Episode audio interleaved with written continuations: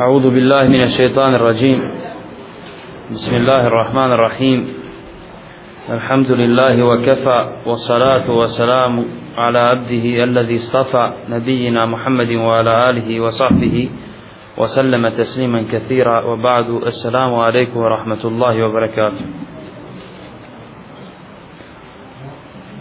نيما نشتا نوو دا سكاجي داناشني راسبوريد يسليديشي prvi čas Akida, profesor Elvedin Husembašić, drugi čas isto tako Akida, Elvedin Husembašić i treći čas Rekajk, profesor Adnan Magić. Znači, počet ćemo sa prvim časom iz Akide, Bojrom profesor. Bismillahirrahmanirrahim, alhamdulillahi rabbil alamin, wassalatu wassalamu ala ešrafil anbija wal mursalin, nebina Muhammedu alihi wa sahbihi ajma'in, wa bata. Poznato je da mi radimo i govorimo o dijelima srca. Danas, današnje dijelo srca koje je vađib i koje je veoma važno je hušurun ili skrušenost. Skrušenost. Neko može reći A da li je baš skrušenost dijelo srca? Što skrušenost ne bi bilo dijelo tijela? Jer kad, jer kad je čovjek skrušen, obori oči, smiri se i tako dalje. Kao odgovor na to kaže nam Ibnul Kajim u svom dijelu Medaređu sa Alikin Eđma al-Arifun Znači postoji konsenzus učenjaka da je skrušenost u srcu. Ali plod skrušenosti vidi se na tijelu. Znači skrušenost je u srcu, a njeni plodovi, njeni tragovi vide se na čemu? Na tijelu, na očima, na rukama, na sluhu i tako dalje. Pa šta je to skrušenost? Poslušajte nekoliko definicija u vezi sa tom pričom. Kažu učenjaci naši, skrušenost u arapskom jeziku znači poniznost i predanost. Znači u arapskom jeziku kad bismo pokušali prevesti tu riječ, preveli bi je kao nešto što se zove poniznost i predanost. A što se tiče značenja skrušenosti ili hušua u šerijetu, imamo nekoliko definicija. Kaže Ibn Kajin, to je osjećaj nastao spojem veličanja Allaha, ljubavi prema njemu, poniznosti i potpune predanosti.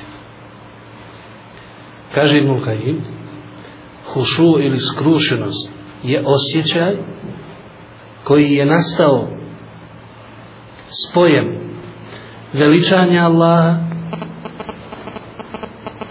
ljubavi prema njemu poniznosti i potpune predanosti poniznosti i potpune predanosti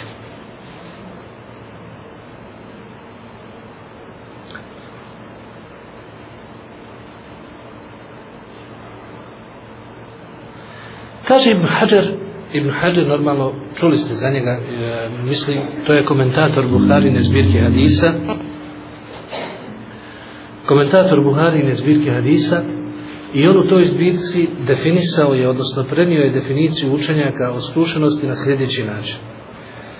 Kaže on, skrušenost je u nekim slučajevima dijelo srca što se manifestuje strahopoštovanjem. poštovanjem a nekada je dijelo tijela a manifestuje se smirenošću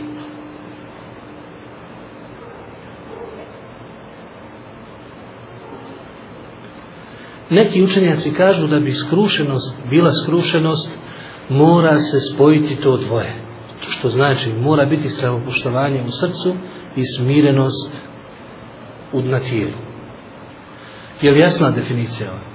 Znači šta mi sad možemo iz ovih definicija reći? Ima ovdje još neke definicije od Ibn Ređeva, Ibn Tejme i drugi, to će se dobiti pismeno.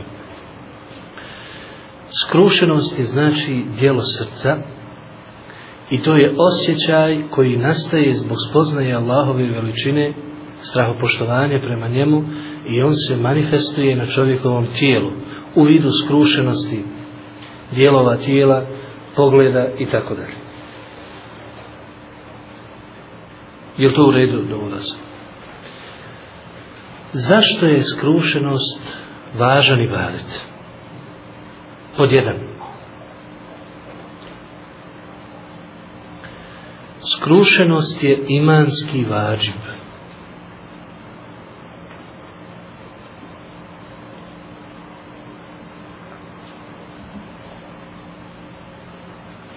Skrušenost je šta? Skrušenost je šta? Kako to? Kako? Zato što jedan od vađiva imana jeste skrušenost. Ali pazite, morate imati nešto u vidu. Postoji dvije vrste skrušenosti. O tome ćemo govoriti nešto kasnije. To je skrušenost koja je farz u svakom stanju i skrušenost koja je vađiv u nekim stanjima. Recimo skrušenost u namazu, vađiv je samo kad je namaz. Ali ova imanska skrušenost ta doza skrušenosti i poniznosti koja je u suprotnosti sa ohološću, ona je vađib u svakom momentu. I ne smije doći moment e, da čovjek se oholi u toj mjeri da odbija istinu. Znači skrušenost u smislu prihvatanja istine, ona mora biti vađib u svakom momentu koji nikada se ne odvaja od vjernika. Drugo, spada u namaske vađibe. Znači, po ispravnom mišljenju učenjaka,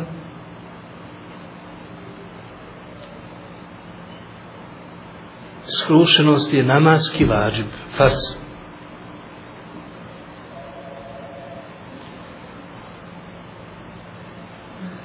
Treće je zašto je važan. Zato što povećava vrijednost ibadetima. Ibadet obavljen sa trunkom skrušenosti bolji je od stotinu ibadeta bez krušenosti u njima. Vrijednosti ibadetima. Jer nije isti namaz čovjeka koji ga klanja skrušeno i namaz čovjeka koji gleda okolo ili gleda u sahat, tako dalje dok klanja namaz. Četvrto, to je prvi ibadet koji će nestati u ummetu. Huzeyfe radijallahu anhu prenio je, a to je zabilježio imam Tirmizi i također imam Hakim u svomu stedraku, rekao je sljedeće riječi, Huzeyfe, znači ashab Allahovog poslanika. Prvo čega će nestati u ovom ummetu je skrušenost. A posljednje će nestati namaz. Znači prvo što će nestati jeste skrušenost, a posljednje namaz. I u nastavku on dalje kaže, uskoro će doći vrijeme kada ćeš ući u veliku džamiju, a nećeš u njoj vidjeti skrušena čovjeka. Uskoro će doći vrijeme kada ćeš ući u veliku džamiju, a nećeš u njoj vidjeti skrušena čovjeka. Kažu naši učenjaci Hadisa, ovako nešto čovjek ne može reći od sebe. Jer ovo je stvar od gajba. Stvar što će se dogoditi u budućnosti. I zbog toga kažu, kada ashabi kažu neku izreku koja je vezana za budućnost, kao što je ova, onda ona ima propis hadisa, zato što oni to ne mogu reći po svom nahođenju, nego su vjerovatno to čuli od poslanika sallallahu alaihi wa Peto. Allah Đelešanu je čekao četiri godine da bi vjernici posti, ashabi u to vrijeme postigli ovu osobinu skrušenosti. Bilježi ima muslim od Abdullaha ibn Mesud radijallahu anhu da je rekao da je prošlo četiri godine od primanja njihovog islama pa do objave ajta u kojoj Malo Žešanu kaže ألم يأن للذين آمنوا أن تخشى قلوبهم لذكر الله وما نزل من الحق زر nije vrijeme da vjerička srca postanu skrušena kada se spomenu Allahovi ajati, kad se Allah spominje, spominje i ono što je spušteno od istine, Kaže Abulab Mesud, od primanja Islama do ovog ajeta prošlo je četiri godine. Znači četiri godine Allah Đelešanu je uh, pustio taj period da bi oni postigli tu skrušenost. I zato mi možemo svako od sebe upitati kad smo počeli klanjati, kad smo počeli o pa vjeri razmišljati, koliko ima godina, koliko ovaj, vremena je prošlo, pa da vidimo gdje smo mi na tom stepenu skrušenosti. To su neki razlozi zbog čega je skrušenost važna i zašto. Da vidimo neke ajete koji nam analiziraju skrušenost, odnosno govore o skrušenosti. Pa prvi ajet je ovaj. Alam je'ni lil ladina amanu an takhsha qulubuhum li dhikri Allahi wa ma nazala min al haqq. Zar nije vrijeme da se vjernička srca skruše i da budu bogobojazna kada se Allah spominje i ono što je objavljeno od istine i da ne budu kao oni kojima je data knjiga prije njih pa im je vrijeme se odužilo i njihova srca su postala gruba, kruta, a mnogi od njih su grešnici. ولا يكونوا كالذين أوتوا الكتاب من قبل فطال عليهم الأمد فقست قلوبهم وكثير منهم فاسقون Ovo je u suri Al-Hadid 16. ajet. Znači vidimo ovdje da Allah Žešanu na jedan fin, lijep način upozorava vjernike da je vrijeme da njihova srca postanu skrušena kada se spominje Allah Žešanu i kada se slušaju ajeti. Slušajte sad drugi ajd koji govori o skrušenosti. إنما المؤمنون الذين إذا ذكر الله وجلت قلوبهم وإذا تليت عليهم آياته زادتهم إيمانا وعلى ربهم يتوكلون الذين يقيمون الصلاة ومما رزقناهم ينفقون أولئك هم المؤمنون حقا لهم درجات عند ربهم ومغفرة ورزق كريم أنفال 24 Kaže Allah Đelešanu, jedino i samo su vjernici oni koji kada se Allah spomene njihova srca se stegnu od straha. A kada im se ajeti njegovi uče, povećavaju im iman i na svoga gospodara se samo oslani. Oni koji obavljaju namaz i dio onoga čime smo ih obskrbili u dijeliju, To su pravi i istinski vjernici. I njih čekaju visoki stepeni kod njihova gospodara, oprost i plemenita, lijepa obskrba. Znači, kako ovdje Alošanu spominje vjernike, prva osobina koju je spomenuo ovdje šta? Da su vjernici oni čija se srca poboje, ispune se strahom, skrušenošću, kada se Allah Đelešanu spomenuo. Slušajte sad treći ajet koji govori o skrušenosti. Allahu nezzala ahsan al hadith. Kitaben mutešabihen methani takše'irru minhu džuludu ladina jahševna rabbehum, thumme telinu džuluduhum, makulubuhum ila ذكر الله huda Allah, jehdi bihi men ješa, wa men yudlil fama lehu min had. Zumer 23 Allah spušta najljepši govor u vidu knjige koja je slična i čije se poruke ponavljaju stalno. Od tih ajeta ježi se koža onih koji strahuju od svoga gospodara. Potom se smiruje njihova koža i njihova srca kada Allaha spominju. I to je Allahova uputa kojom upućuje koga hoće, a onoga koga u zabludu odvede ne može ga niko uputiti. Znači i ovdje Allah Đelešanu spominje upravo tu, tu bogobojaznost, skrušenost i da se kože naježe, potom se smire. Četvrti ajet. Kad aflaha al-mu'minun, alladina hum fi salatihim haši'un uspjet će samo vjernici oni koji su u svojim namazima skrušeni. Iz ovog ajeta razumijemo da oni koji nisu skrušeni, za njih nema uspjeha. Ovo je sura Al-Mu'minun od 1 do 2.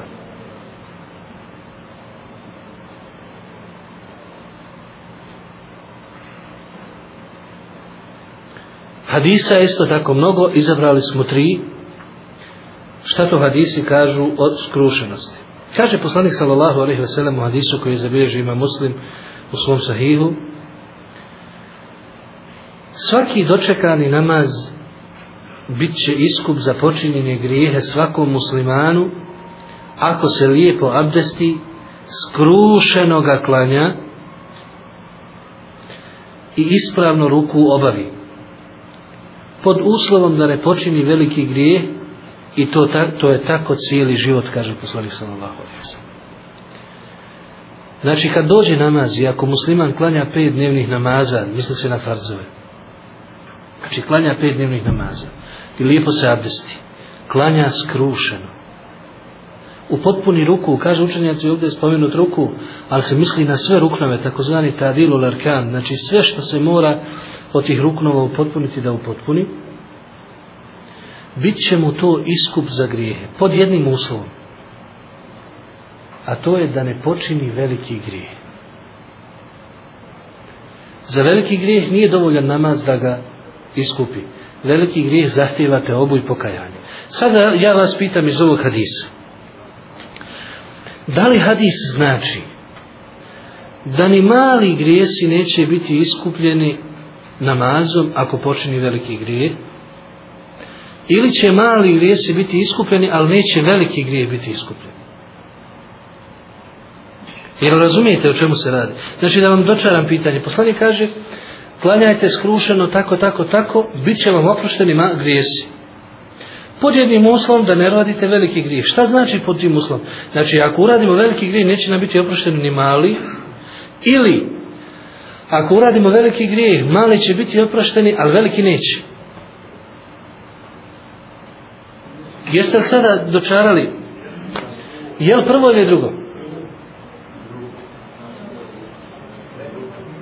Ja vjerujte, još nisam našao odgovor na to pitanje. Znači, ne znam da li se misli na prvo ili na drugo. Postoji mogućnost i prvog i drugog, ali može se razumijeti jedno i drugo. Ja sam pokušao naći neki odgovor, ali u domenu komentara, dok li sam ja mogo doći, nisam našao odgovor na ovo pitanje. Allah Žešanu najbolje zna. Hm. Sljedeći hadis. Poslanik sallallahu alaihi ve selleme na ruku je učio sljedeću dobu. Skrušeni su i ponizni tebi i moj vid, i moj sluh, i moj mozak, i moji živci, i tako dalje. Ovo nam je zabilježio imam muslim. Znači, kad bi poslanik klanio u noćnom namazu, na ruku, učio bi to, znači da su skrušeni Allahu i ponizni i njegov, i njegovi živci i njegov sluh i njegovi na što ovaj hadis ukazuje i upućuje ukazuje da se skrušenost manifestuje na dijelovima tijela ali njeno pravo mjesto je rekli smo gdje u srcu treći hadis u stvari to je izrekao na Huzeifena radijallahu anhu kaže on Prvo što ćete izgubiti u vjeri je skrušenost, a posljednje namaz. Ima klanjača u kojima nema nikakva dobra, kaže Huzife. A uskoro će doći vrijeme kada ćeš ući u veliku džamiju, a nećeš u njoj naći skrušena čovjeka. Znači, rekli smo da je ovo Huzifina izreka, ali ima propis Hadisa, zato što govori o stvarima koje su od gajba, a one se ne govori po nahođenju i po ličnom mišljenju. Je li ima nekih nejasnoća u vezi s ovim Hadisima? Nema znači. Dobro. Ostaje nam da vidimo stepene hušuva. Stepeni skrušenosti.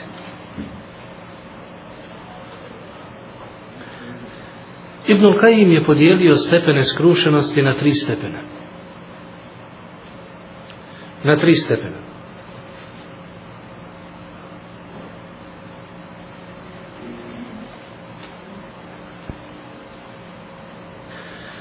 Prvi stepen je ponizno robovanje Allahovoj naredbi i predaja njegovoj odredbi te skrušenost zbog svijesti da nas Allah vidi u svakom momentu. Ponizno robovanje Allahovoj naredbi, predaja njegovoj odredbi, te skrušenost i skromnost zbog toga što nas Allah vidi.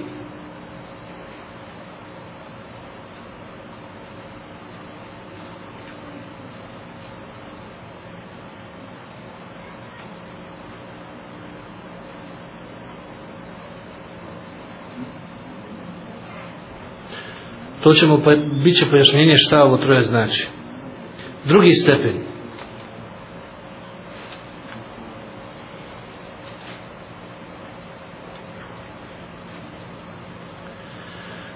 samo kritika znači da kritikujemo sami sebe i svijest da smo manjkavi i grešni i slabi a prema drugima da ih gledamo kroz njihove odlike, dobra djela i slično. Znači, prema sebi, drugi stepen poniz, ovo, ove skrušenosti, kaže Ibn Kajim, je da smo samokritični prema sebi, ali prema drugima ne. Kad su u pitanju drugi ljudi oko nas, onda mi ono što nije u redu, zatvorimo oči pred tim, a gledamo samo ono što je dobro od njih, njihove odlike i ono što su od dobra uradili. I to će nas, kaže Ibn Kajim, dovesti do, do, do dvije velike fajde. Prvo je, nećemo očekivati od drugih nekakvo veličanje, poštivanje i ne znam nija šta, jer mi inače smatramo sebe, sebe slabim, grešnim i manjkavim. A drugo je, bit ćemo zahvalni drugima na svemu što urade, pa ne samo prema nama, nego i prema drugima, zato što gledamo samo u njihove odlike i dobre osobine. A to je veoma važno za jednog čovjeka koji živi, koji je društveno biće i živi oko ljudi. Da ne očekuje od drugih previše da nešto moraju oni njemu na njegova nekakva prava, ovo, ono i tako dalje, ali da drugima daje sve što je u njegovoj moći i sve što ima od poštivanja, zahvalnosti na učinjenom dobru i tako, i tako dalje. I treći stepen Ibn Kajim je to nazvao čišćenje srca od stvorenja. Znači da ne postoji da, da srce čovjeka ne bude vezano za bilo koje stvorenje. To je treći stepen skrušenosti. I to je najveći. Šta znači ovi stepeni, ako Bog da podrobnije ćemo pojasniti na sljedećem času i nastavit ćemo o skrušenosti, a između ostalo govorit ćemo i o učenjacima i pobožnjacima i njihovom govoru o skrušenosti uz Allahovu pomoć. Kulu kauli hada, ustakfiru Allaha, sallallahu alaihi bina Muhammed. Odmorte se malo pa ćemo o pitanjima i raspravama nakon drugog časa, pošto je to jedna cijelina.